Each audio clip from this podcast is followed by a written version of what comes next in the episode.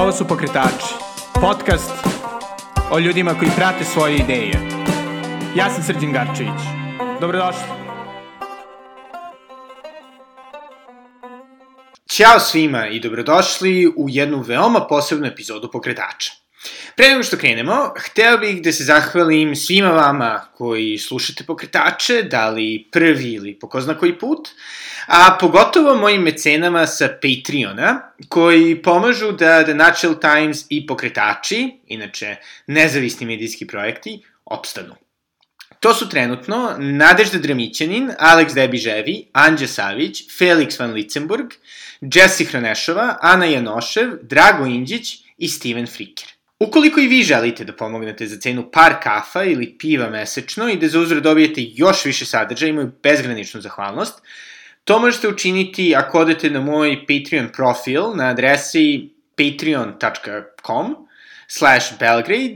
ili ti patreon.com kosacrta belgrade. A sada da krenemo sa epizodom koju sam već izuzetno dugo vremena priželjkivao. Gost je Muharem Bazdulj, jedan od najboljih i najnagrađivanijih pisaca i publicista sa prostora bivše Jugoslavije. Sa Muharemom sam pričao o njegovim početcima u književnosti, novinarstvu i prevodilaštvu, kao i o tome kako je biti uticajan javni intelektualac u Bosni i Srbiji, što je donekle i tema njegovog izuzetnog novog romana Kvadratni koren iz života.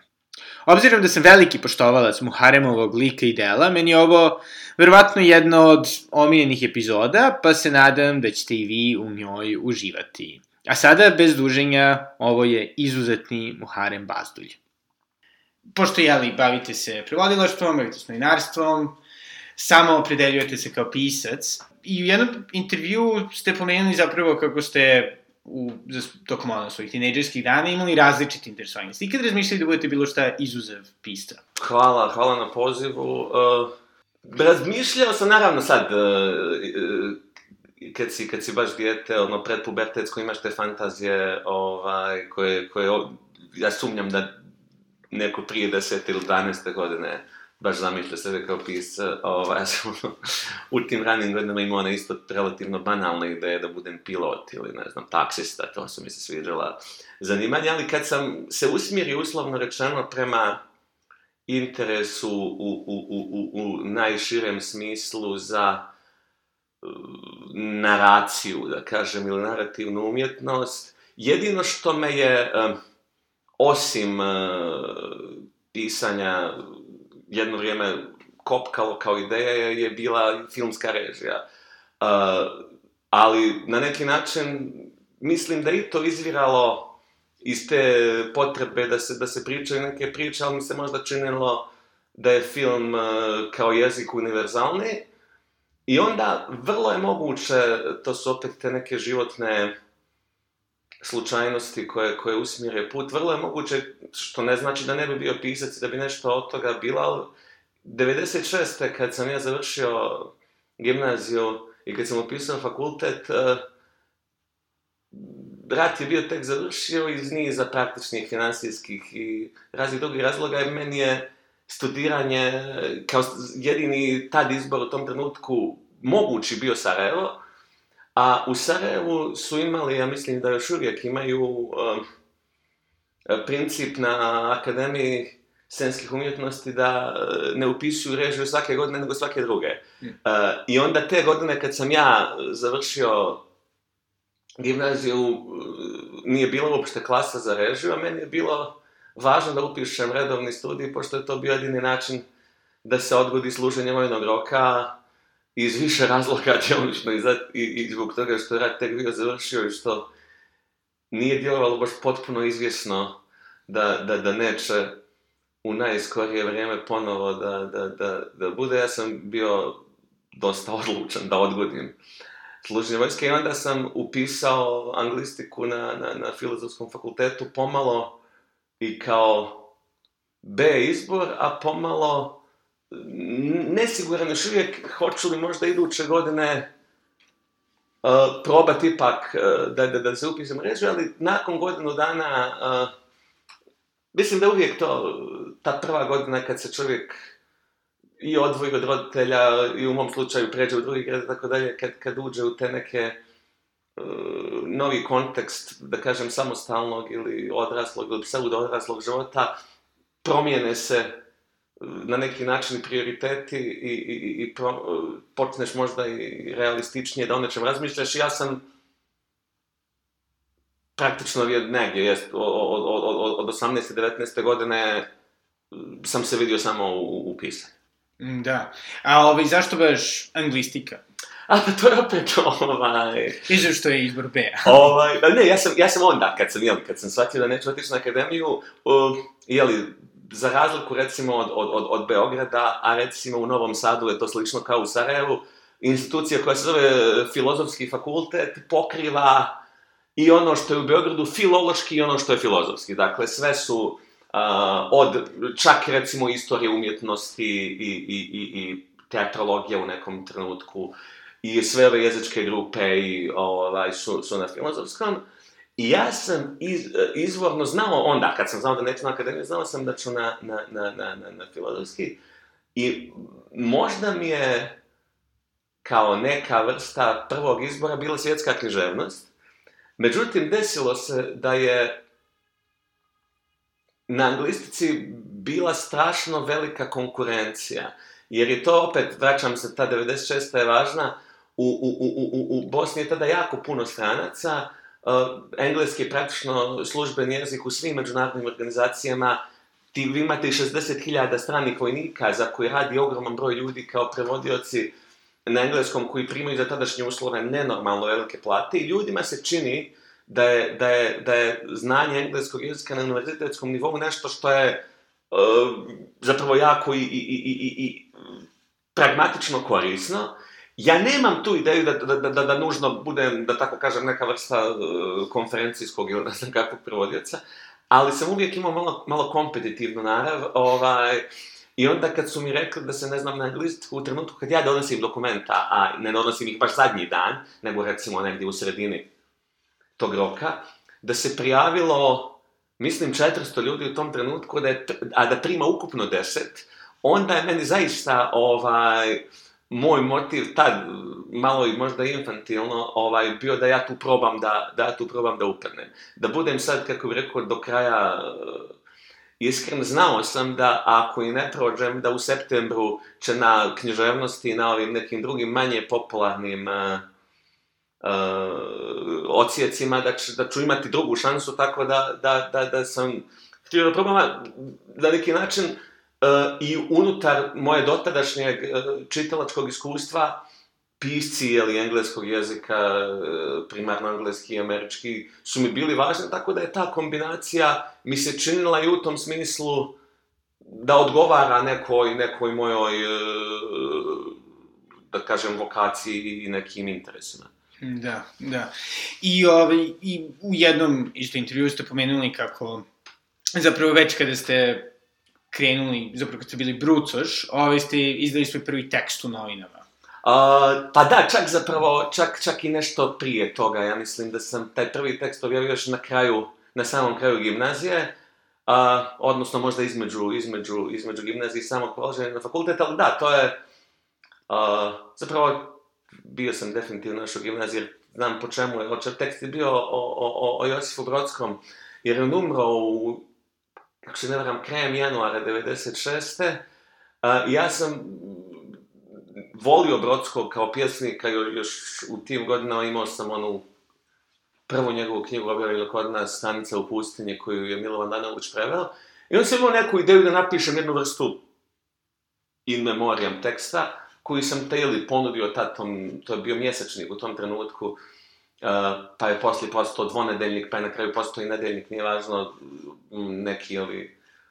vaši stari slušali će se sjetiti tog lista sarajevskog studentskog koji zvao Naši dani, pa je onda u toj tranziciji izgubio ono naši, pa je ostao samo dani i tu sam taj tekst objavio i da, na jednom nivou u ovom, u jednom od tih uh, rukavaca tog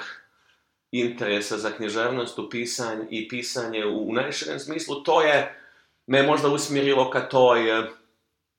najširem smislu publicistici, jer da, taj tekst je bio objavljen i, e, i taj tekst je bio, ja sam dobio jedan, da kažem, neobično pristojan honorar, ovaj, koji mi je e, pokazao da, da, da ta da kažem, to kulturno novinarstvo u najširem smislu, jer ja mislim sve od 96. do recimo 2000 sedme, osme,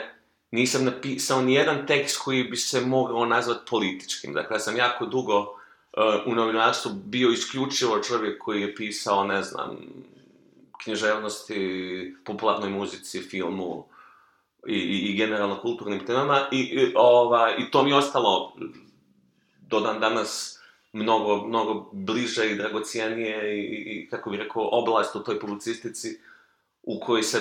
možda je ružno reći, mnogo više trudim, ali, ali koja, mi je, koja mi je značajnija u pisanju. I da, tako je, tako je to počelo. Ja sam ovaj, nakon toga o, krenuo da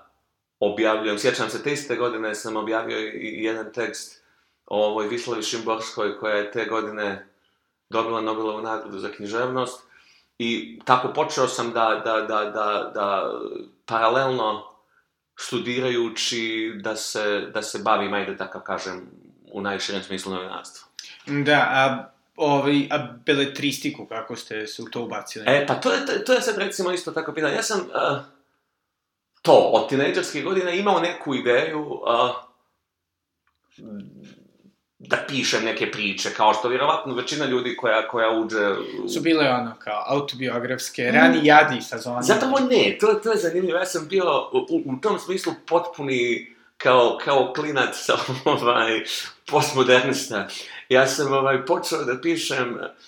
kad sam, ne znam, prešao 30. godinu sam počeo da pišem stvari iz svog iskustva. Mene su strašne, mene su zanimale u tim godinama isključivo neka vrsta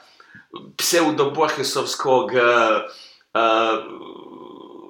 prepričavanje nekih istorijskih bizarnosti i ne znam čega. Neki od prvih priča koja, koje sam ja zapisao, jedna od prvih priča,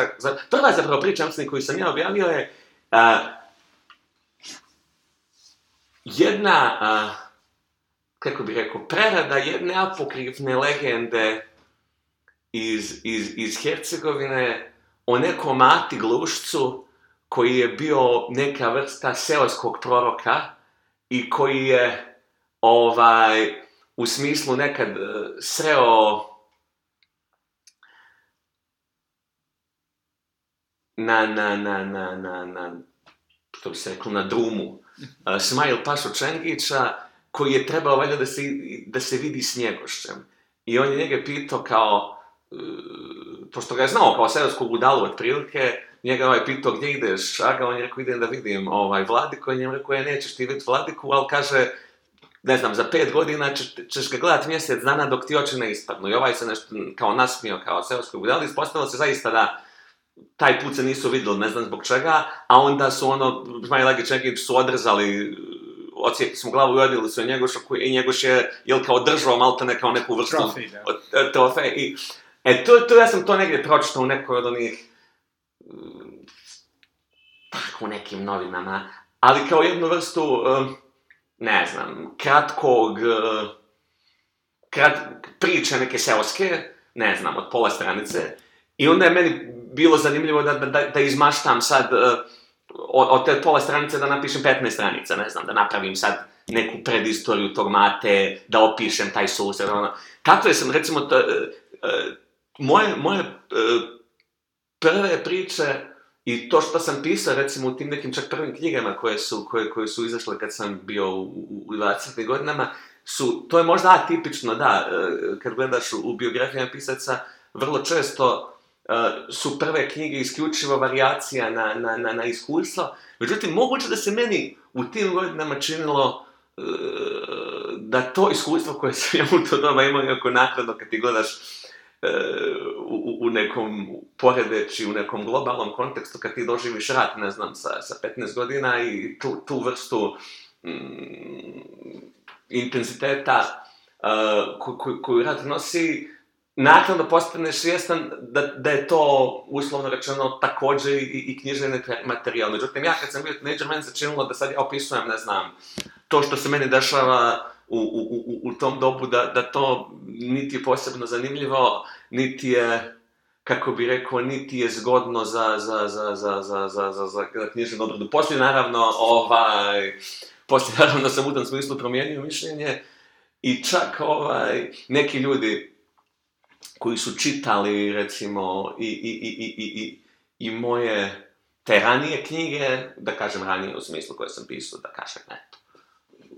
u 20. godine kasnije su, su, jedan je taj, čak taj američki slavista napisao otprilike da, da, da, da se rijetko desi da se uslovno rečeno ta uh, paradigma tematska na taj način izmijeni, ovaj, ali eto, kod mene se, kod mene se tako desilo, da sad opet, da, da, da ne pričam previše i da se ne igram autoanalize, ali ja i, i, i recimo ovo što pišem u, u ne znam, posljednje 4-5 godina, meni se čini da ta dva toka na neki način variraju, tako da ja mogu da napišem, ne znam, knjigu uh, ovu Lutka od Marcipana, koja je opet neka vrsta variacije, isto tako, jedna istorijske pričice koja zapravo mm, je tu proširena i na neki način drugčije kontekstualizovana nego, nego, nego u neki, nekoj publicistici. A s druge strane da pišem recimo kao, ne znam, jeres nominalizma i neke priče koje, gdje se ja igram naravno sa, sa, sa, sa svojim životom, ali, ova, ali, ali pokušavam to da u, u, u nekoju literarnu formu uklopim. Da, a kada ste, jeli, na samom početku vaše karijere, ovaj, jel ste imali uslovno rečeno neki kao cilj, nešto što mi bilo voleo bih da, ne znam, s 30-40 godina budem taj, taj pisac ili postignem to i to? Pa to je, to je, to je zapravo dobro pitanje na koje ja sad nisam siguran uh, koliko mogu da, da, da, da, da, da dam, da kažem do kraja uh, realan odgovor. Meni se čini uh, da je meni uh, u, u, u jednom smislu pomoglo, a u jednom smislu uh, ne, ne, ne mogu reći da, da sam ja zapravo jako brzo uh, kao jako mlad uh, ostvario čak i više nego što sam mislio da ću sebi zadat za cilj. Znači ja sam ta knjiga moja, jedna od tih, koja se zove druga knjiga, koja nije, koja je izašla u, u Sarajevu 2000-te, koja nije nije u Srbiji reizdavana. Mislim da, je, da, da su ovde ljudi vrlo teško mogli čitati. To je, to je, to je da. bosanska knjiga objavila u Sarajevu, to je ta onaj period, da kažem, još i Milošev džil, kad zapravo praktično nema uh, skoro... Ta se knjiga, to je bio neki relativno mali tiraž, jedna se u Sarajevu jako brzo rasprodala, tako da, uh, a nije, nije posledilo drugo izdanje, međutim, ona je imala taj, mene kontaktirao povodom te knjige, znači, jedan uh, američki izdavač koji u to doba bio specijalizovan za, za knjige iz zemalja uh, bivšeg istočnog bloka. To je, to je jedna edicija koja je pokrenuta još za doba hladnog rata a, eh, i koja je bila prilično elitna u tom smislu, koja je, znači, uključujući od, od Trsta do Vladivostoka, recimo, cijeli taj prostor, koja je ukupno objavila ne znam, 50 knjiga, sve ukupno. nakladno se i ugasla, više i ne postoji, jer valjda poslije po, nekoliko možda sad zbog Putina i obnove, ali ovaj, i od, da kažem, jugoslavenskih pisaca u toj ediciji su prije mene objavljeni Meša Selimović sa Derviši smrti tvrđavom, objavljen je David Albahari, ja mislim, sa jednom knjigom priča i sa romanom Cink, i objavljen je Duralka Ugršić, ja mislim, sa, sa, sa Šteticom Cvek. Možda još nešto, ali, ali, ali, I do tu je, i onda o, to su svi ovi pisci koje znamo iz, iz, iz, iz ovih, da tako kažem, disidentskih krugova. Uh, ja sam, znači, ja sam imao, ja sam imao 23-4 godine kad sam ja s njima ugovor potpisao. Uh, ja sam, ono, to je statistika, ne, ne govorim to sad, ovaj najmlađi autor koji se je lika tu pojavio. I sad sam ja, zahvaljujući toj, recimo, knjizi, 2002. 25 godina imao neka javna čitanja, Eh, po Americi, dobivao neke, ne znam, nenormalno velike honorare, ovaj, eh, naš, sa, sa, sa 2002. prije svog 25. Eh, rođendana ja sam držao gostujuće predavanje na Harvardu. I sad, ja sam, imam dojam tu vrstu, ne, zaista ne želim sad da ono, glumim neko ko, ko, ko, ko nema I neko ne ulazi u tu vrstu književnosti javnog života bez određenog stepena i sujete. A, ne mogu ja da kažem da ja to nemam, ali ali, ali mi se čini da sam je jako rano, uh, kako bih rekao, zadovoljio do neke tačke, koje, opet se vraćam, do koje, koje možda nisam uh, u tim godinama ni, ni zamišljao da je moguća. Tako da, ovaj, poslije ja, da, kad, kad me to pitaš, Znači, želio sam da, želio sam da, da budem neko ko će, znači nisam želio da budem uslovno rečeno na margini, želio sam da budem neko ko će, će se knjige čitati i, i, i, i, i ko, da, da će imati neku, neku, neku vidljivost. I želio sam isto tako jednu vrstu, kao vjerovatno i, i, i o, o, često pisci, i što je puno važnije piscima iz uslovno rečeno manjih nego i većih jezika, želio sam i neku prevođenost u, u, u, na, na, na, na, na, na, na te neke veće strane jezike i te su se stvari obe, znači, obe su na neki način ostvarile, da tako kažem, sad da li da čovjek uvijek ima neku sad ideju da je možda e, moglo, ne znam, u nekoj zemlji da ima boljeg izdavača ili da je možda moglo da, ne znam, dobije neku nagradu i ovo i ono, to, to, to, to naravno uvijek postoji, ali mislim u suštini da su to Mm, manje važne stvari, a, a, a ovo da, da imaš tu, da, da imaš ideju zapravo da, da, da, da taj tvoj izbor vokacije je nešto što, što, što, što dolazi do, do čitalaca. Mislim da je to uh, nešto što, što, što mi je bilo najznačajnije uh, i to je nešto što evo i, i, i, i dan danas recimo evo ja sad gledam od, od, od, evo, od nove godine Ovaj, sam bio sam, imao sam, ako se ne varam, dakle, nisam imao više dvije književne večeri, imao sam jedno u, u, u Kosovskoj Mitrovici i drugo sam imao u Čačku. I znaš, u oba slučaja sam imao taj, taj ošćaj da ste ljudi zaista došli i da me čuju sa interesom i puno ih je bilo i, i u tom smislu je, je ako mogu da kažem da je to vjerovatno taj cilj s kojim kreneš. Da, ovaj, međutim, čini mi se da, da je jedan čest problem kod ljudi koji su dosta rano ovaj, postigli te neke ciljeve, e, je taj osjećaj straha kao šta, šta posle. Ovaj, iako, nažalost,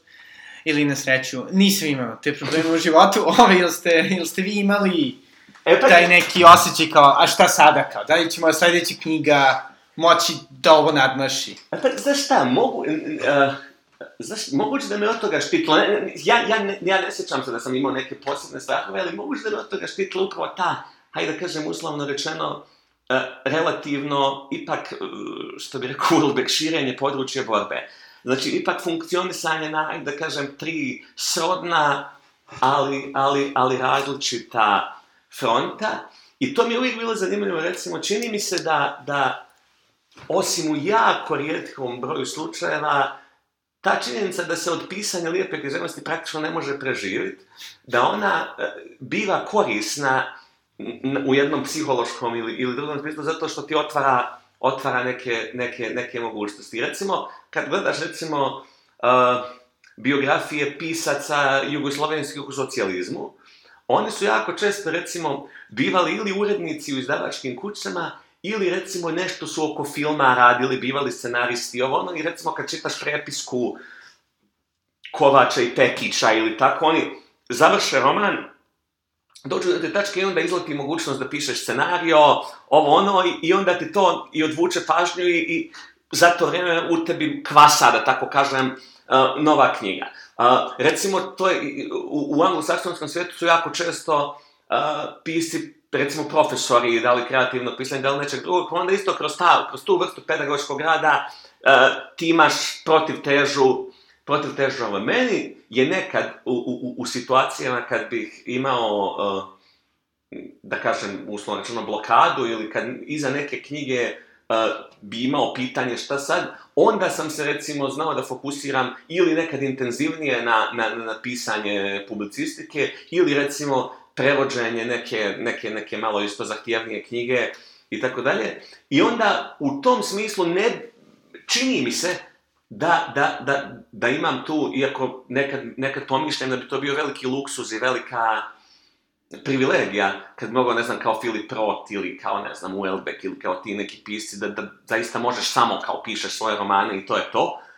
Ali onda pomislim da bi možda taj psihološki pritisak uh, onda, on, onda bio veći. Jer to je, ajde, malo je onaj, malo je možda i banalno, ali to je kao mm, na ruletu, ako se kladiš samo na jedan broj, uh, kako bi rekao, vjerovatno je uh, stres je mnogo veći nego ako se kladiš na više brojeva. Da, da. Znači, ovaj definitivno mislim da je ta diversifikacija pa pomogla. U, ono, pa mi, mislim da, da, mislim na, da na, na jednom nivou, meni, meni, meni, meni to prija, između, znaš šta još ima, uh, što opet zavisi vjerovatno od, od različitih ljudi, neki ljudi možda i nemaju tu, tu, tu potrebu, to je, mislim, zaista psihologija i možda karakter i mentalitet. Ima ono što je danas u, u, u vremenu, da kažem, interneta i društvenih mreža, to sam negdje nedavno pročitao tu frazu, ono instant gratification, znaš. Ima, imaju ljudi potrebu da, uh, kad nešto urade, da neku vrstu feedbacka dobiju relativno brzo. E, pisanje da kažem, knjige, čak i, i, i relativno kratke knjige, čak i kod ljudi koji su produktivni, čak i tako dalje, je proces koji u najmanju ruku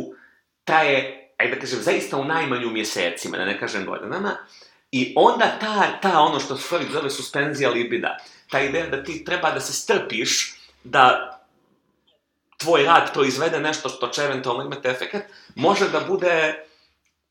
ajde opet upotrebim taj izraz stresno, Ali, ako imaš paralelno što da radi, pišeš recimo novinske tekstove koji po definiciji a, izlaze sutra ili za nedelju dana, onda tu vrstu gratifikacije dobivaš i kroz to. I onda to takođe,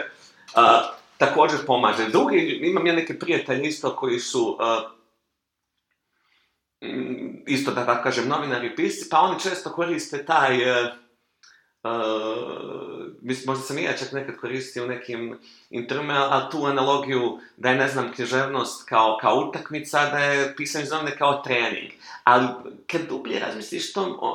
to nije najsretnija analogija, zato što na neki način uh, možda bi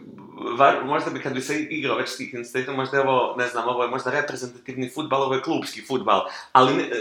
ja ne bih htio zaista da, da, da ni u kojem smislu proglasim novinarstvo inferiornim. U određenom smislu, što se tiče broja ljudi koji, koji to čitaju, pa u određenom smislu, kad se gleda i, i, i neka vrsta stvarnog društvenog uticaja, to možda i, i i, ima, ima veću, i veću težinu od, od, od književnosti, ali s druge strane, književnost je nešto što, je, ili, ili, ili barem je, pošto je meni privatno mnogo značajnija na nivou da, da, da ja kroz čitanje književnosti ostvarujem neku važniju potrebu nego kroz čitanje novina, onda, on, onda mi se čini da u, u tom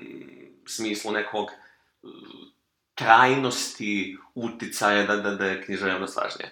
Da. A, ali čisto mi interesuje, pošto često ljudi koji se bave književnošću, pogotovo beletristikom, se žale, ne znam, ja sad, ne znam, napišem tekst za te i te novine da bih, ono, platio račune. Mhm. Mm Ove, ovaj, jel ste se ikad osjećali kao fuzonu sad, ono, slamujem, e, ono kao gubim vreme na ove tekstiće, a mogao bih da se bavim svojim, ono, magnum opusom. Pa, na, pa šta znam, mislim da, ja ne mogu da, da, aj, aj, da budem do kraja precizan. E, jesam u situacijama rijetkim kada bi, kako bi rekao, pisao neki tekst isključivo jer je na mene došao red u, u nekoj, recimo, u, u nekom turnusu, pa ono, onda, evo ja recimo ako, ako pišem, nekad su kolumne baš takav žanr, uh, da, da, da, vi obično pišete određenim danom ili određenim datumom ili, ili šta god, gde se sred, ja bih rekao, jednom u četiri ili pet slučajeva, da, da ti se neka tema ne nametne, ali jednostavno tvoj red, taj prostor u novini je tvoj, i onda nekad to radiš otprilike na taj način, ali ja ne mogu da kažem da meni, uh, da ja sad kažem da ovih nekoliko sati ne potrošim na to, ja bi, ne znam, pisao bi roman ili bi istraživao za eh, ese ili, ili šta god, možda bi onda žalio što kao umjesto da pišem što ne sjedim onaj i ne pijem kafu onaj, možda više, možda bi neke više... To je vratno više racionalizacije. E, da, da, da, da, da, možda više imam, možda više da kažem ako, da ima ono sad ona glupa priča, da da, nema 24 sata, nego da ima 28, ta 4 sata da imam dan prije bih odvojio za dokolicu, nego onaj, za rad u, u ovom ili To možda, toga ti možda nekad u tom smislu najviše fali. Meni se čini zapravo da, da dobre stvari u nekom smislu e, se ako ništa začinju u dokolici. Recimo, to je, znaš, jedna isto od onih stvari kod ljudi, često ima, imaš ljude koji su zapravo jako pismeni i koji često, recimo, su užasno važni u, u nekoj književnoj kulturi, a, bilo kao urednici, bilo kao prevodioci, bilo kao a, šta god, ali koji jednostavno nemaju to jedna, a, opet, neki dar ili neka osobina, nemaju sposobnost da, da kažem, izmišljaju ili pričaju priče. Čak i ne moraš nužno da izmišljaš, ti neku priču, tada dakle. I onda oni, Te, pa kao, kako tebi dođe priča i šta? I, to je, i tu je zapravo uvijek, zaista tu je odgovor uvijek u kod ja, bila to priča od dvije strane, onaj, koju objaviš u, u nekom časopisu, bilo to da je, ne znam, roman od 200 strana, ali taj, taj neki osnovni um, impuls, ta, ta neka, da kažem, zvrčka, anegdota, uh, siže, oni se pojave e, u, u, u nekom trenutku, zaista kad ih kad ih ne očekuješ, to jednostavno padne ti na pamet nešto što, ovaj, što ti se čini da moraš da, da, da, da, da ispričaš. Da se ne postalo prilično pomodno, ovaj, kada se priča sa piscima, ovaj, da se priča, ne ono, njihovoj tehnologiji pisanja. Mm -hmm. ne, jel, ono, imate e, neku rutinu, neke, ne znam, pošto Mislim da je jedan poznati engleski pisac ima, ne znam, mislim da nije Dickens, ali jedan od tih velikih viktorijanskih, gde svako jutro se budi i pisao, ne znam, 300 Da, da, da, da, reči. Ima, ima, ima ljudi koji to rade, to si upravo, ne znam da isto da li Dickens, ali, ali to nije tako rijetko. Pa, znaš kako, ja... Uh,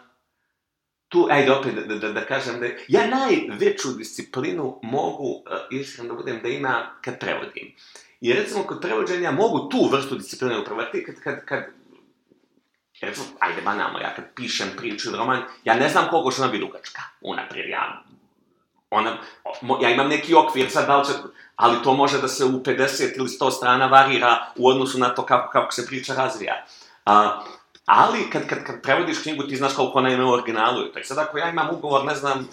na še, še, ako potpišem ugovor, ne znam, 1. marta i treba izdavaču da predam rukopis 1. septembra. A, to je znači šest mjeseci i sad ne znam, ja mogu tačno sebi tu da odredim a, da u, o, ostaviš uvijek marginu ako neki, neki dan će se nešto neplanirano desiti, ali recimo da, na šest mjeseci ako je 300 strana, 50 strana mjesečno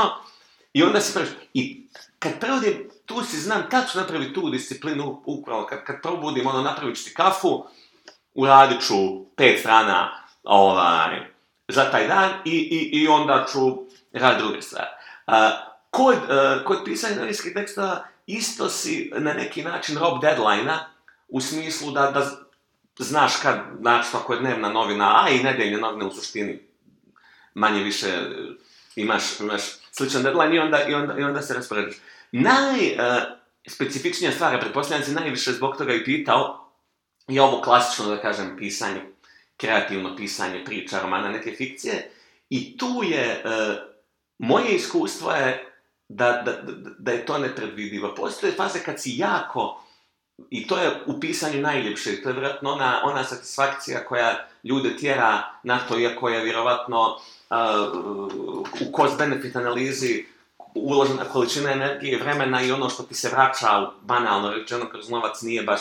adekvatno, ali postoji taj moment kad si potpuno, kad si potpuno opsjednut pričom i, i, i, i kad samo i kad samo gledaš da, da, da svo moguće vreme ukradeš, ukradeš za to, a, i onda zapravo zaista ne gledaš kad imaš, ja sam imao fazu kad sam bio mlađi recimo, mnogo više i interesantno, ja kad pogledam poslije svoju, nemam taj običaj da svoje knjige čitam nakon što izađe, ono, ono nekad ili kad izlazi novo izdanje ili kad nešto hoćeš da pogledaš, ja otprilike sjećam se, naravno ne svakog poglavlja kad sam, ali otprilike dominantne atmosfere kad sam pisao i recimo doba dana. I recimo neke knjige sam pisao skoro isključivo kasno uveče ili da, da kažem ono tipa iza 11 na večer pa do 3-4 ujutro. Imao sam te faze, a kako vreme prolazi, možda stvarno ima veze sa najbanalnijom biologijom i starenjem i to, ali u posljednje vreme mi što prija a, da pišem ujutro, a, sa idejom da, da a, ono, uzmem, kako bi rekao, prva stvar, ono, kad je, kad je neki kad imaš tu, tu energiju, kad radiš nešto do, do, do čega ti je stalo, recimo to, tu su nekad zaista ove isto stvari koje na prvi pogled su mm, više birokratske, ali to kad imaš recimo neku tu e, literarnu rezidenciju i nešto i kad onda se izmjestiš se iz, iz, iz, iz mjesta boravka i onda zapravo i ne poznaješ tu nikog, pa uh, ne odvlačiti pažnju ovaj. Ja sam recimo kad sam bio prije dvije godine bio sam cijeli maj u Gracu na nekoj stipendiji štajerske vlade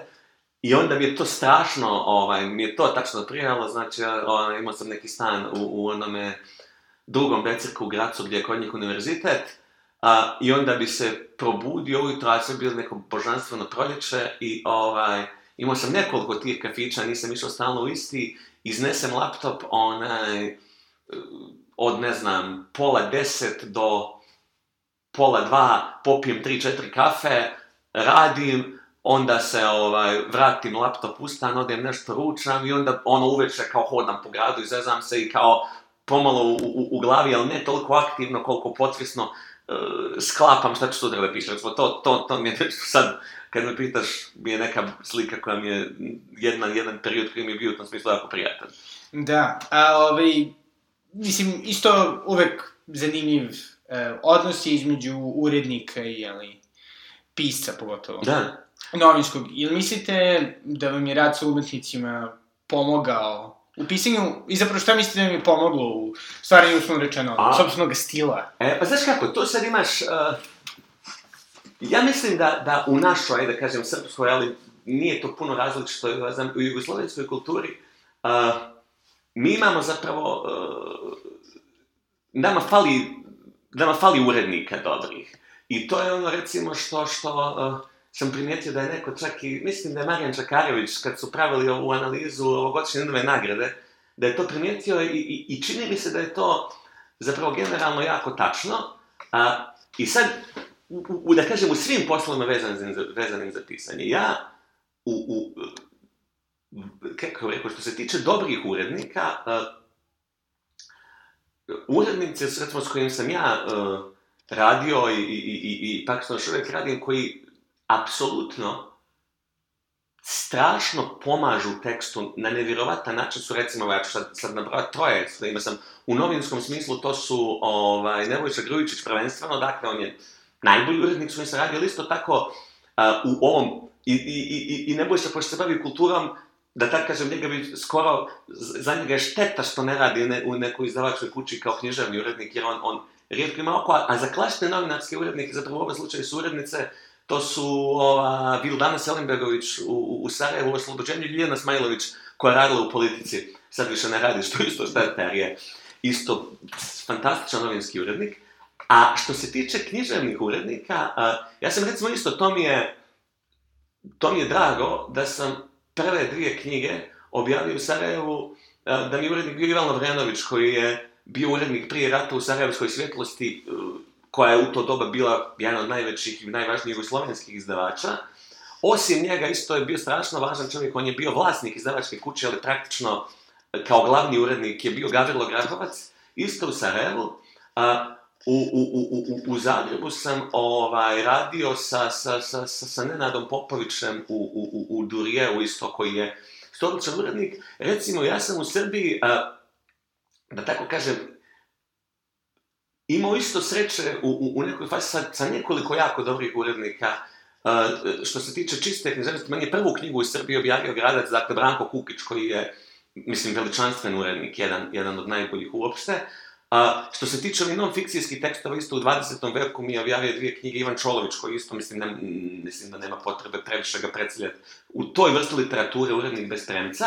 A, takođe, recimo, u, u, u, u, u, u geopoetici e, je, je Vladislav Bajac jako dobar urednik, Ivana Đurić-Paunović, kojom sam radio Uh, konkretno na romanu April na vlašću, isto jako dobar urednik, tako da, evo, čak i sad kad nabrajem knjige, vidim koliko su, eh, koliko su tim knjigama ti, ti urednici značili. A, u tom smislu ja mislim da a, eh, pravi urednik a, eh, je neko ko, da tako kažem, ima svijest o tome da je, da je, da je, da je pisac, kako rekao, jedna isto čudnovata, da kažem, osjetljiva biljka koju, koju, koju, s kojom treba, da tako kažem, fino, fino raditi, ali isto tako u stvarima u kojim je ubijeđen da, da, da, da, da je važno da se insistira da bude. To je kao, to da sam ja slušao od režisera kako je važno da imaju zajebanog montažera. Jer kao, znaš, montažer ne treba da bude neki diktator, ali isto tako ne treba da u nekim stvarima popušta. E, ono što, opet, to je moje iskustvo, uh, da, uh, sad, ajde, nabrojao sam ove ljude s kojim sam stvarno imao pozitivno iskustvo i koji mislim da su mi jako pomogli, to nije uvijek tako. Ja sam imao, imao sam iskustva sa nekim urednicima s kojima sam se razmimoilazio. Ovaj, uh, I to je uh, opet pitanje vjerovatno nekad kao i, i, i u prijateljstvu i u privatnim odnosima, jednostavno s, ne, s, nekim ti se, s nekim ti se ne poveže hemija, ali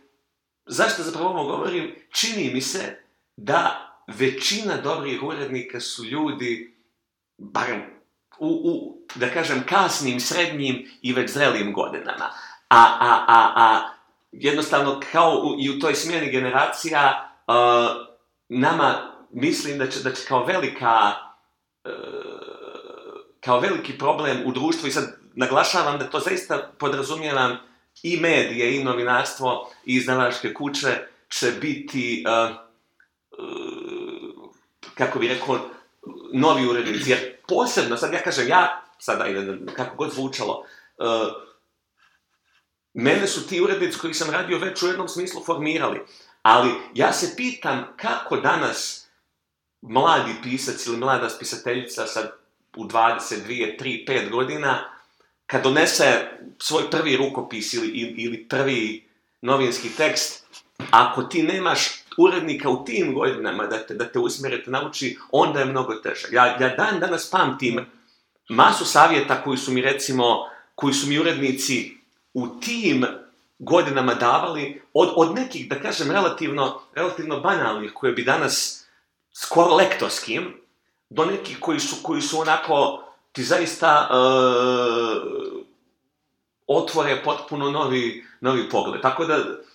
to, to, to, to je važno. Ja, meni je drago da sam uglavnom imao, čini mi se, i sreće i, i, i nekog dobrog e, kontakta sa udobnicom. Da. E, a sada, pošto s jedne strane, nekako ono, čitajući našu književnost, što moram da priznam, e, nedovoljno često radim, e, mi se čini da vrlo često naše teme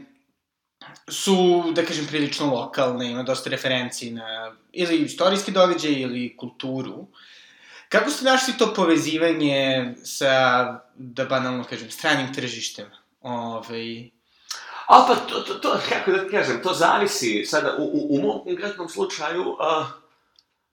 to su sv, s, skoro svako od tih iskustava je, eto ne znam, ja mislim deseta knjiga mojih je da izašlo što recimo od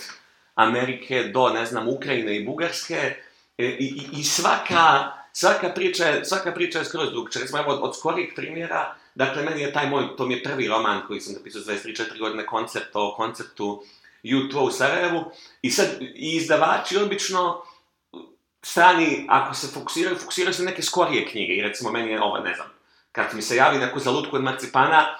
to me na neki način i ne iznenadi. Ali mi se javili ovi iz Ukrajine, I ja sam sad isto bio u fazonu kao, meni super, kao, baš mi je drago da hoćete nešto da objaviti, ali jeste sigurni da hoćete koncert, ima ovih nekih novih knjiga. Ali su oni rekli da, jer oni su bukvalno imali tu ideju da uh, opis tog, da kažem, postkonfliktnog društva i tog uh, početka njih podsjeća na sadašnju situaciju u Ukrajini. I sad što je zanimljivo da, da, da je eh, ta knjiga izašla uh, prošle godine i veliki dio tiraža su otkupila je neka fondacija za biblioteke baš u Donbasu, u ovom dijelu gdje su, gdje su sukobi naj, najfrekventniji, jer, eto, njima se činilo da ta knjiga može posebno da, da, da kažem, da, da korespondira sa ukrajinskom publikom. Ne znam, što se tiče, ovaj, da, meni je to recimo bilo strašno drago, uh, kad su mi se javili neke knjige, uh, recimo ova moja knjiga koja govori o Bajronovom putovanju po, po Balkanu, Džavoru Zuleka, ona je prvo izašla na njemačkom preko neke uh,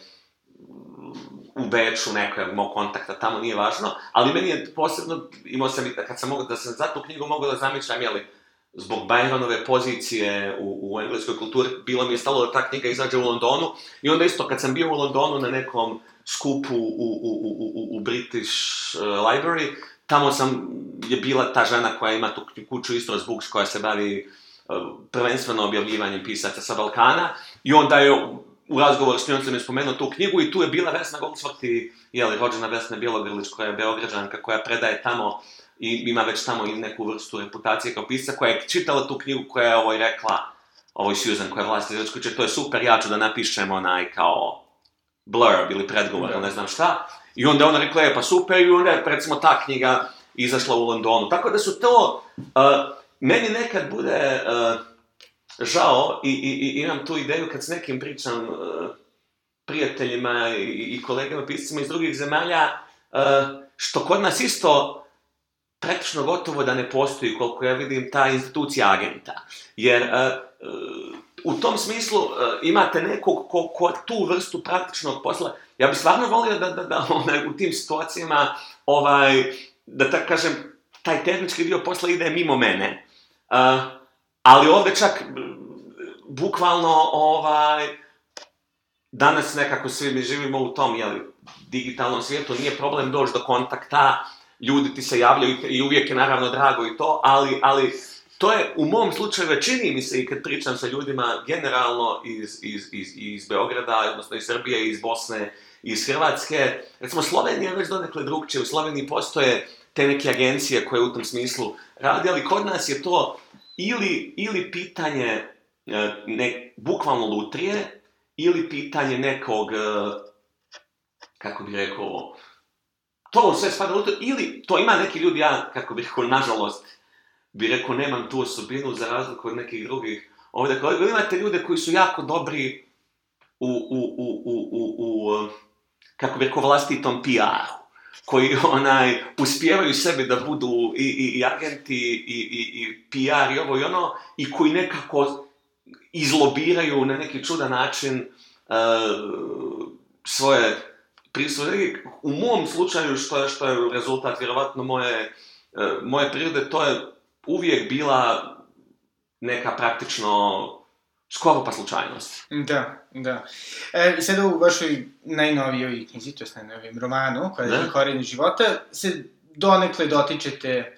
ove, ovaj, i pitanja, da kažem, javnih intelektualaca.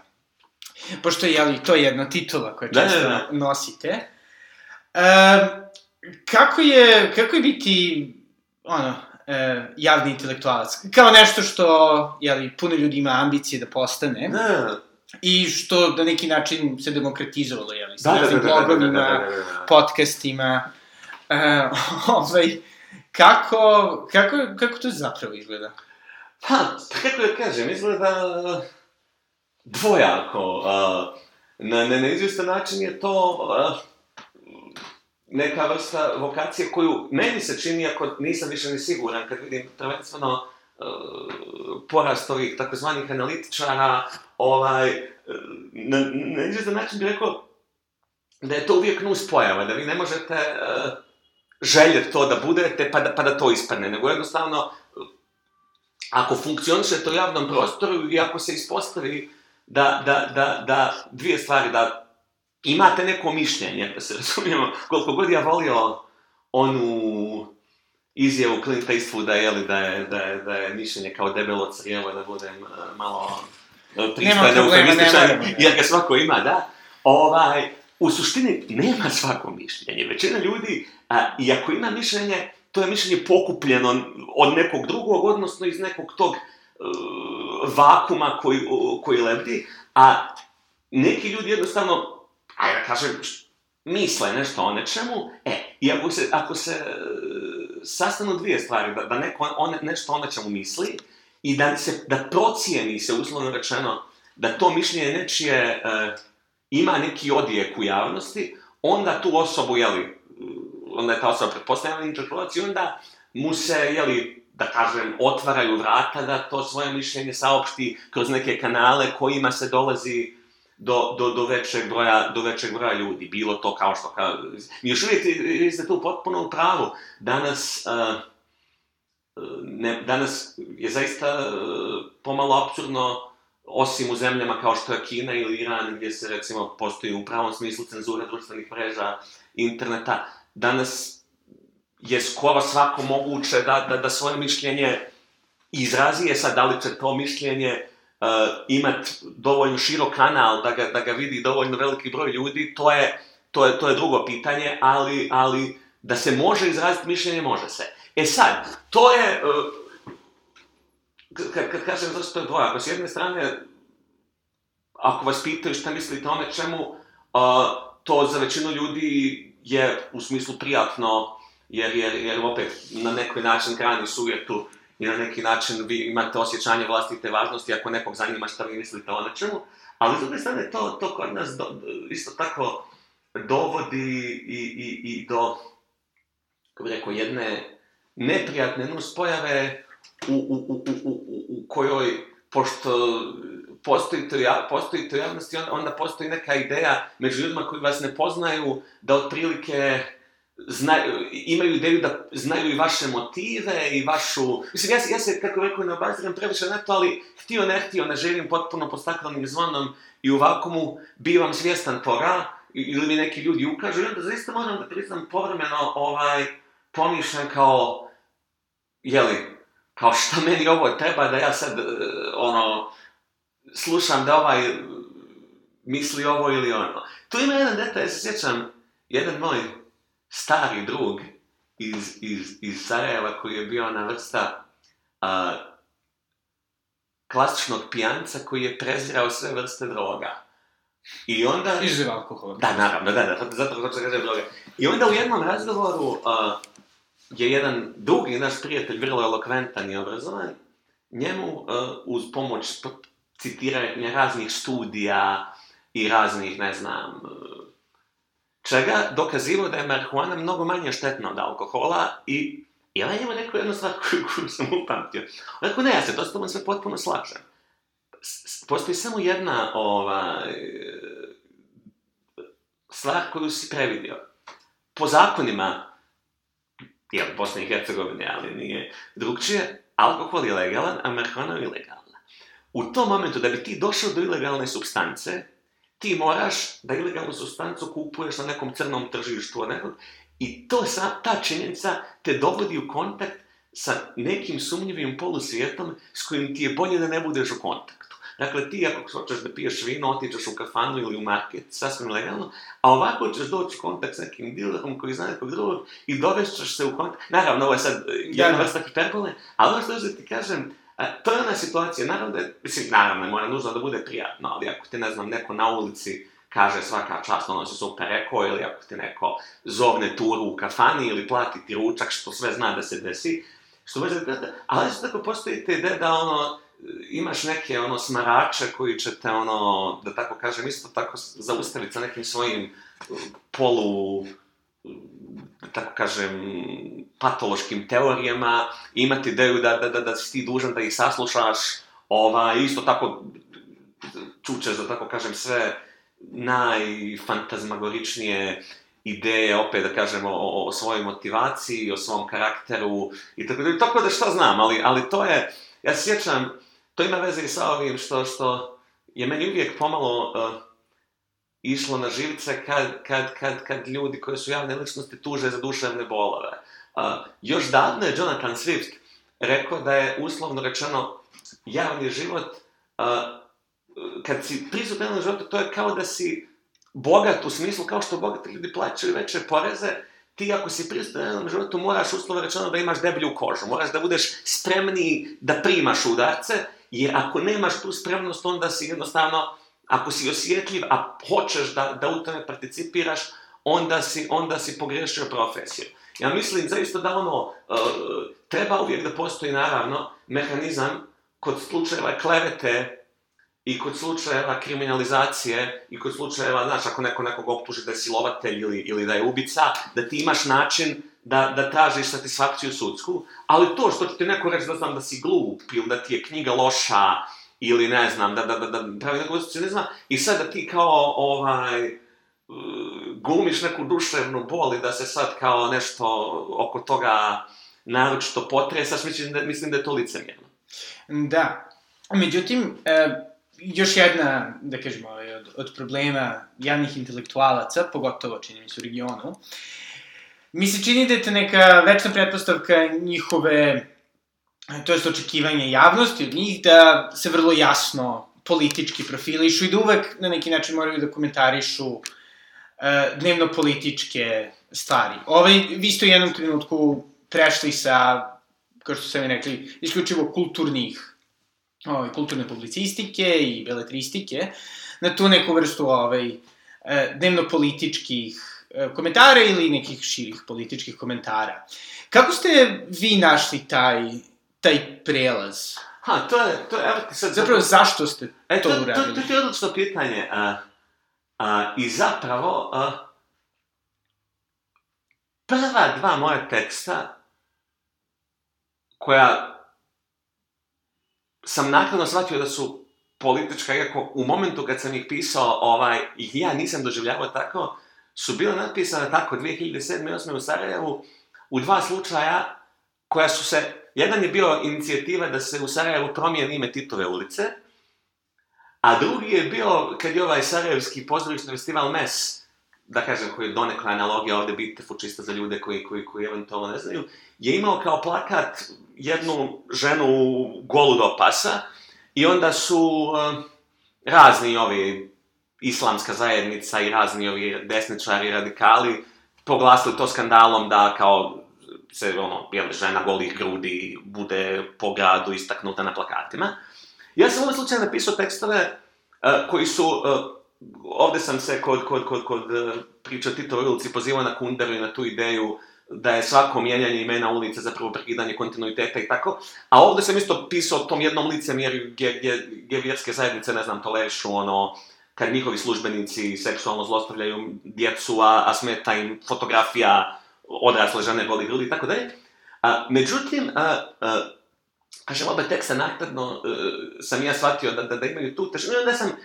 ne mogu ja sad da sam ja u jednom momentu odlučio da ću sada pišem na političke teme, ali e, kad su ti tekstovi krenuli i na takvu temu da se otvara, onda sam zaista i u, u, tad, u tim novinama u kojih sam tada radio u Sarajevu, sam i dobio ponudu, da tako kažem, od uredno išao da pišem političku kolumnu, a, koja se zvala Filigranski pločnici i onda sam tu te prve svoje izbor tih tekstova iz te prve dvije godine pisanja tih tekstova sam tako nazvao i tu knjigu. Ovaj, tako da je to bila uh, ja nisam apolitično biće i nije da ja nisam pratio politiku i ranije, ali mi se činilo da nemam e, kako bi rekao, šta, šta na tu temu posebno važno da kažem, a moguće da je to i posljedica, sad gledam, s jedne strane mog odrastenja, starenja, šta god, s druge strane možda isto i promjene jedne um, u društvu gdje, gdje, gdje možda više mi se činilo da ti ne možeš da funkcionišeš u, u, u tom novinarstvu ako taj aspekat zanemariš. Čini li se da tu... Eh, Politi, znači, ne, da politički, u, u, u, u širem smislu. Ne znam, ne mogu, ne mogu do kraja sad da kažem, uh, u, u, u nekoj situaciji, uh, sad opet kad razmišljam i kad gledam na neke primjere koje ja volim, recimo iz, iz anglosaksonskog svijeta, recimo Christopher Hitchens ili, ili, ili neki drugi uh, novinar publicistio tamo, čini mi se da, isti, da isto tako postala neka ideja da, da od tog momenta pisanja, ne znam, prikaza knjiga i ovog i ono pređeš u jednu vrstu, uh, ne pređeš nužno, jer ja nisam prestao da pišem tekstove iz kulture, ali sam počeo da pišem i ove. Uh, tako, tak, tako se desilo, mislim, ne mogu reći da, da, da, da, da je nehotica i da je, i da je slučajno, ali, ali tako ispalo. A ovo, da, da, da se donekle osvrnem i na ovaj uvod koji izrekao, meni se čini I to je jedan od vjerovatno najnepotkupljivijih uh, novinara, intelektualaca, publicista, 90-ih, kad je zapravo bilo najzajebanije biti nepotkupljiv, Boris Buden je naknadno, već 2000-ih, napisao jednu rečenicu koju, koju, koju, koju zapravo se često sjetim, a on to kaže da je uloga pisca intelektualca u političkoj areni bilo pozitivna, bilo negativna, zapravo uglavnom precijenjena ja sam, e, to, je, to je jedan stav koji, koji možda, ne možda, da ga sigurno prije nekog vremena nisam dijelio, jer se meni činilo zaista, ne znam da, e, šta znam, ali, ajde da uzmeš, ne znam, dvojicu ljudi e, koji, da uzmeš, ne znam, primjere ljudi koji su se istakli, ne znam, u, u, u evo, u Beogradu, kao ja, novinari koji su cijelo vrijeme bili aktivisti za mir i da uzmeš neke koji su bili, ajde, ako ćeš u pravom smislu, nacionalisti i ratni huškači. Ali kad podvučeš crtu, a, teško da je i ovaj koji se zalega za mir sad nekom otvori oči i, i, i, i, i promijenio ga, da je neko bio, ne znam, nacionalista pa je skapirao, više neću biti, kao što nije zapravo ni ovaj, uh, nije niko, bar se meni čini, uh, kako bi rekao, otišao urad da radi sranja, zato što ga je, ne znam, ova ovaj onaj ubijedio da to treba da radi. To, time ja ni tovom oduzimam, kako bih rekao, zasluženo priznanje, niti ovo ga amnestiram. Nego mi se samo čini, kad se podvuče crta, da se vrlo često u tom, i time ne, iz, ne, uz, ne izuzimam zaista ni sebe, postoji ona jedna a, dragocijena engleska fraza preaching to the choir, propovijedanje horu, kad je li ubjeđuješ već ubjeđenog. I jedna od, eto to sam isto mislim napisao u ovom kvadratnom korenu, kad, kad ovaj kaže, meni se to dešavalo u tim novinama u kojim sam ja radio recimo dani u Sarajevu ili ne znam Feral u Splitu za koji sam isto ponekad pisao, pa čak i vreme ovde, a, pa često ćete tu ljudi reći koji pišu za takve novine da im je najveći kompliment, ne znam, da priđe ti neko na pijaci i kaže, ne znam, hvala vam, meni su vaši tekstovi pomogli da sačuvam normalnost. I ti sad kad, to je davno divno i krasno, ali ti kad analiziraš uh, šta je sadržaj tog komplementa, sadržaj tog komplementa je otprilike taj, a većina ljudi misli drugčije od mene i onda je meni drago što sam naišao na nekog ko misli kao ja. To, kako rekao, to, to je lijepo, ja to ne podcijenjujem, ali se meni čini da funkcija novinarstva ili ako hoćeš javnog intelektualca nije da bude grupa za podršku. Nije to ono kao onaj lik iz, iz Fight Cluba koji ono odlazi jer je depresivan, pa odlazi ono gde se skupljaju oni koji imaju rak ili ovo i ono, pa da vidi da njemu nije najteže, ili čak ako neko, ne daj Bože, zaista ima neku, ako je, ne znam, alkoholičar, pa odlazi na skupove anonimni alkoholičar. Ja? Meni se čini da je jedna od opasnosti uh, u koju nas vodi, sad otićemo predaleko, zašto je to karakteristično možda za digitalno društvo, više nego prethodno, da se društvo potpuno podijeli u neke skupove, koji će onda jedni drugima da budu grupa za podršku. Pa ćeš imati jedne koji su, ne znam, uh,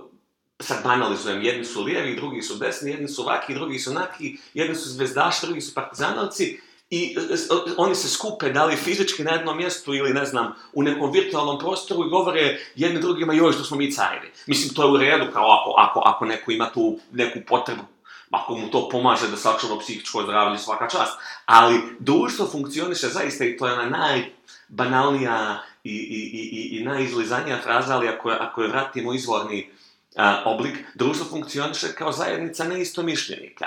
E, I to mi je zanimljivo sad, evo da odem potpuno u dnevnu politiku, pa sad to, to završavam. To mi je interesantno u ovim komentarima e, povodom, jeli, najavljenog povratka utiska nedelje, da, e, da je e, on na neki način ukinut, jer je bio rijedak prostor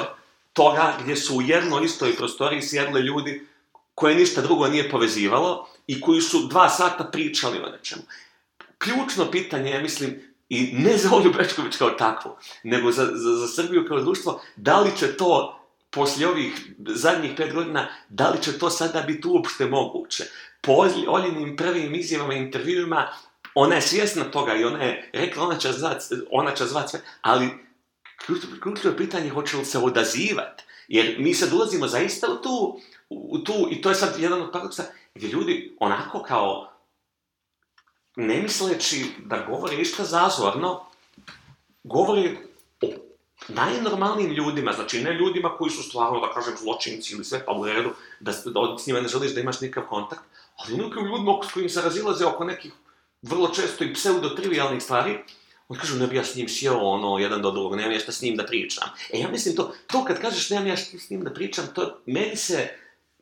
kako bi rekao, naravno, postoje ono, Postoje ljudi, oni su ili u zatvorima, ili trebali da budu u zatvorima,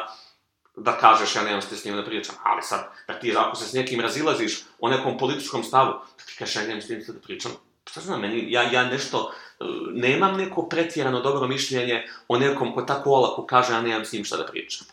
Da, međutim, ovaj, čini mi se, sada, ja ne, ovaj, kao, ne mogu da se otmem ovaj, impulsu da ovo čisto konstatujem. Mislim, meni se čini, pratići vašu uglavnom publicističku karijeru, da je često, baš uslovno rečeno, razlog kako ste bili napadani ili osporavani, baš to zato što nekako niste prihvatali da se nekako, uslovno rečeno, ideološki ili čak tribalno odredite. Pa to, to je vjerojatno tačno, ovaj, ali kako da ti kažem, to, to je nešto što ja vučem... Uh, na izvjestan način jako dugo, skoro od, od, od početaka tog e, mog bavljenja, da kažem, javnim radom. I to, to, to je tako, meni se čini, ja, i, e, ja sam to isto, mislim da sam nekom, ne, negdje možda i već rekao i to, e, jedno mi je jedan prijatelj rekao, i to mi je neka jedna od dražih stvari koju sam čuo, kaže, bila, kad se desi neki događaj novi u društvu, bilo u Srbiji, bilo u svijetu, za sve ljude koje ja poznajem, ja unapred znam šta će reći. Kaže, jedino za tebe ne znam. Jer, e, i sad, e, znači, to je pitanje, ja stvarno mislim da, da, da, da ne može se čovjek u svijetu e, ili ne bi trebao da se orijentiše po unaprijed utvrđenom obrazcu. To je ono, eto, jeli, u razgovoru prije, ne smo počeli snimati, pomenjali smo ovoga, uh, Nasima Nikolasa Taleba, to je pomalo onaj njegov koncept crnoglavu, što kaže, znači, hiljadama, ne, ne hiljadama, stotinama godina, nije važno, u većini zapadnih jezika postojala ideja da je, ne znam, labud takva i takva ptica bijele boje, uh, i onda hiljadu, ne znam, 700. kad je otkrivena Australija, uh, otkrivena je potpuno ista ptica, a, a, ali crne boje. Dakle, neko ko bi, ko bi se povodio idejom uh, da labud može biti uh, samo bijel bi, što, kaže, što bi rekli, promašio ceo futbal. I tako recimo, u svim oblastima i svim sferama ljudskog djelovanja se u određenom momentu pojave, jeli crni labudovi, pojavi se nešto što je ranije bilo bez presedana. I to je trenutak kada, kada, kada ti ne važe, što bi se reklo, default postavke, nego moraš da, da, da, da, moraš da razmisliš. U tom smislu, da, ja, dio napada, hejtova, nesporazuma, uh, e, koji sam ja, s kojim sam se susretao i susrećem još uvijek u, u, u društvu, i meni se čini u suštini da potiče od toga, jer, jer ljudi ne mogu na taj način da me smjeste u, u, u određenu vrstu fascikle, uh, ali, ali, ali to je tako, ja, ja zaista ne bih želio u dru, drugčije ni da, uh, ni da, ni da, ni da djelujem. Ja znam da bi mi, kako bi rekao, možda u određenom smislu bilo lakše, možda u određenom smislu bi čak i, i, i, i, i imao i, i, kako bih rekao, veću satisfakciju, ali, ali i ne bi opet da, da iskoristim onaj, kako bih rekao, vrlo frekventno korišćen trop, ono, ne bi mogao sebe da pogledam ogledalo. da, i ovaj, sad je li da se da se vratimo, da kažem, tehničkom aspektu pisanja, o, i, jeli, medije i uopšte e, izdavačke delatnosti. E, u jednom od vaših skorešnjih tekstova za oslobođenje se baš komentarisali kako postoji veliki problem sa smrću jeli, štampanog novinarstva, pogotovo magazine, mm. u slučaju Globusa, da, da, da, da. zagrebačkog. E, kako vi vidite da su se stvari promenile i možda još bitnije za slušalce, e, šta biste vi sada uradili da ste ponovo, ne znam, 19 godina, Uf. u Sarajevu upisujete? Uf, to je, to, je, to, je, to je strašno dobro, strašno važno pitanje koje, koje, meni, koje meni često pada na pamet, jer uh, zapravo ljudi ne vole da, da, da misle kako zapravo važne odluke se, se, se, se donose u suštini vrlo često iz, iz, iz nekih trivialnih ili, ili, ili neznatnih razloga. Tako da, ja, ja, sam, ja, ja sam svjestan toga da taj kontekst u kojem je meni uh, bavljenje tim kulturnim novinarstvom bilo ne samo nešto što mi je bilo privlažno, nego nešto što je imalo i finansijsku i socijalnu uh, komponentu sasvim zavidnu, uh, da je to bio jedan plod vrlo neobisnog spleta okolnosti, povezan s jedne, s jedne strane sa epohom, s druge strane sa, sa jednim specifičnim, da kažem, postkonfliktnim društvom, gdje su i, i razne strane organizacije potpomagale to novinarstvo, a, uh, gdje je postojao i veći interes i, i, i, i sponzora, odnosno reklama i, i, i samih čitalaca. A, uh, I da sam ja jednostavno mogu da razmišljam zaista u, u toj varijanti, da sam ja kao novinar uh, nedeljnog magazina imao veću platu nego moji uh, kolege koji su ostajali na, na, na fakultetu kao asistenti. A to, je, to, to, je, to je fakat, to je činjenica kao, koja je taka bila 99. i 2000-te. Ovaj,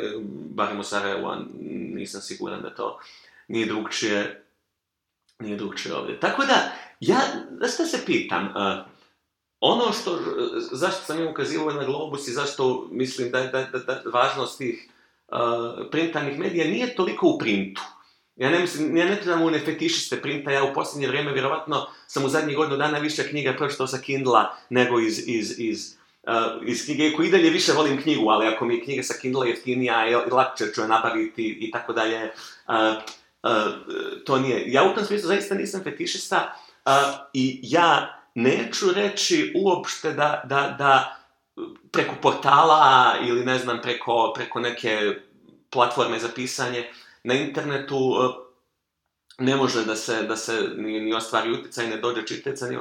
Međutim, donekle se vraćam na ono, jedno od prethodnih pitanja, pitanje važnosti urednika. Jedna od načina na koji ste kao mlad čovjek uh, kad uđete u neku redakciju kakve su nekad bile, to je bila, da te kažem, i škola pisanja i životna škola. E, vi ste imali tu jednu vrstu e, atmosfere, postojali su neke starije kolege, postojala je jedna vrsta e, zajednice u kojoj se svaki tekst komentarisao, u kojem se komentarisali tuđi tekstovi iz drugih novina, u kojoj je postojala jedna intelektualna atmosfera koja ti je kako bi rekao, naročito je to važno kad si, kad si, kad si ono nadobudni klinac, koja ti pokazuje da nisi ti najpametniji na svijetu, niti ideje koje ti sad imaš Uh, prvi put tebe pala napet nego su nekim drugim ljudima pale prije 20 godina i, i, i, i isto tako, kako bih rekao, to je malo i, učiš se skromnosti i učiš se jednoj stvari koju ja mislim da, da je najteže zapravo danas, šta je problem uh, kad socijalizacija postane virtuelna, a, gubi se ideja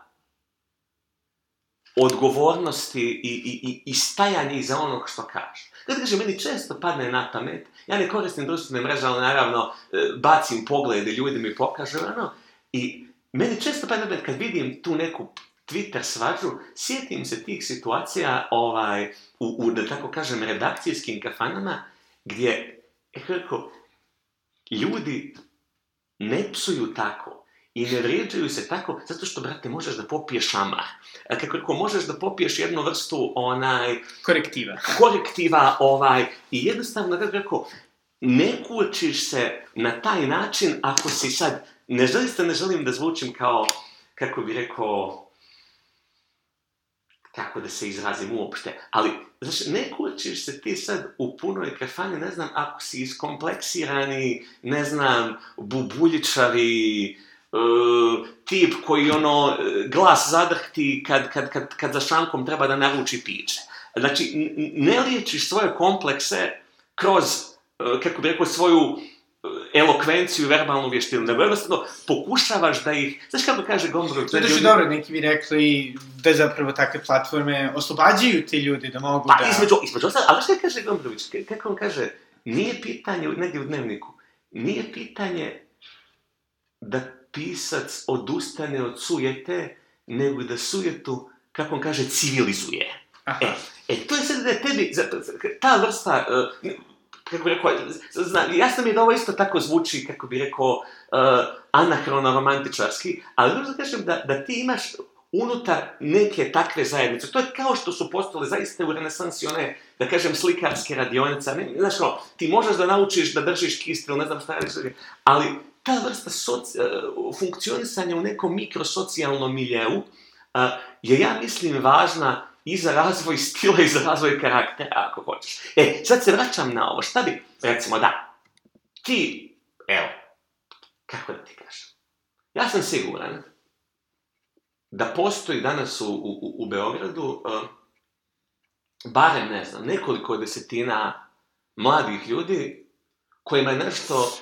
u životu značio Bruno Garci. Recimo, da li da su gledali u, u ovome Nebu nad Berlinom, da li da su gledali u Hitleru, da li da imaju ovo ili ono, i da sad vijest o smrti Bruna Ganca, da ne kažem Šabana Šavulića, iako zapravo nije, nije pretjerano velika razlika, da u njima može da pobudi želju da napišu jednu vrstu omaža nekrologa i da, i da ovaj, time na neki način saopšte svoje mišljenje, stav i da drugi ljudi i tako dalje. E, ti sad to, možda, naravno, neko će napisati status na Facebooku, neko će napisati e, neki blog zapis, neko će napisati ovo, neko će napisati ovo, kao i što jest. Međutim, hipotetski, da ti imaš mladog novinara koji, koji to radi u, u, u ovaj, nekom starom ninu ili, ili možda da nije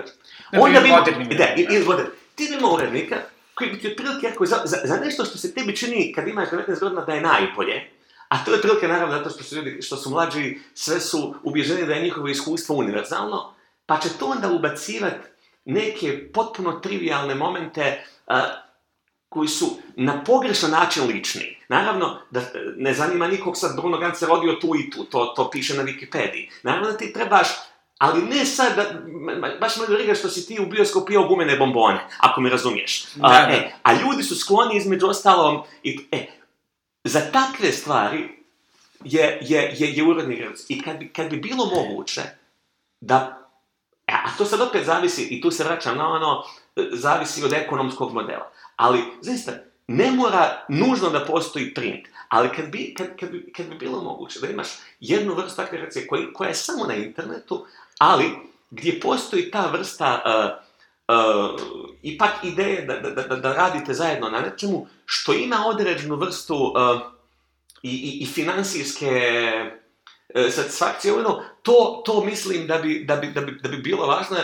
Javnost između ostalo kreira a, time što, što, što uh, imaš te neke takve, tak, takve zajednice. Znaš, to je,